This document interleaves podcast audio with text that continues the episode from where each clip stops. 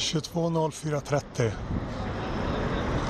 Ukrainarnas demonstration är tillbaka på lilla Norrmalmstorg. Vilket säger någonting om eh, att tröttheten över det här har tagit över. Till exempel eh, hos de som sitter alldeles bredvid och gassar i halvsolen på brasseri, franskt brasseri. Ska inte uttala exakt vad det heter. Ni, svenskarna, ni kanske upplever att det är lugnare. Men eh, det gör inte jag. Vi ute på sjön har anledning att inte se på det så. Trots att vi matas med bedömningar och upplevelser från andra svensktalande som i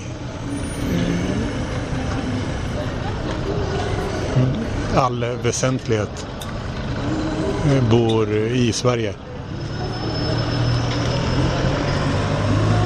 Jag ska börja i maj månad att uh, ha en flyttpackning ståendes konstant så att jag kan dra snabbt. När vi var inne på Prada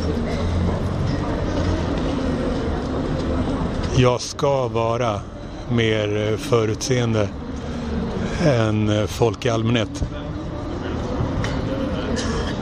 Och jag kan dra. Det ska man komma ihåg. Jag har upprepat det minst en gång tidigare och nu upprepar jag det igen.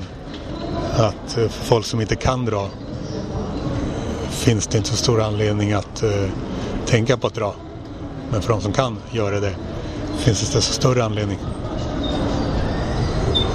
Blir det säkrare för att vi går med i NATO? Det kan inte jag bedöma. Om det hade varit givet så hade vi redan varit med i NATO för länge sedan. Blir det säkrare under ansökningsprocessen än vad det är nu? Det kan jag inte bedöma. Det jag kan konstatera är att eh, mycket kan hända. Förstår absolut inte det här snacket om att eh, eh, det skulle vara mycket säkrare nu när Ryssland är upptagna med kriget i Ukraina. Kan man inte droppa några enstaka kärnvapen för att man är upptagen med ett krig på ett annat håll? Nej. Det där ger jag inte mycket för.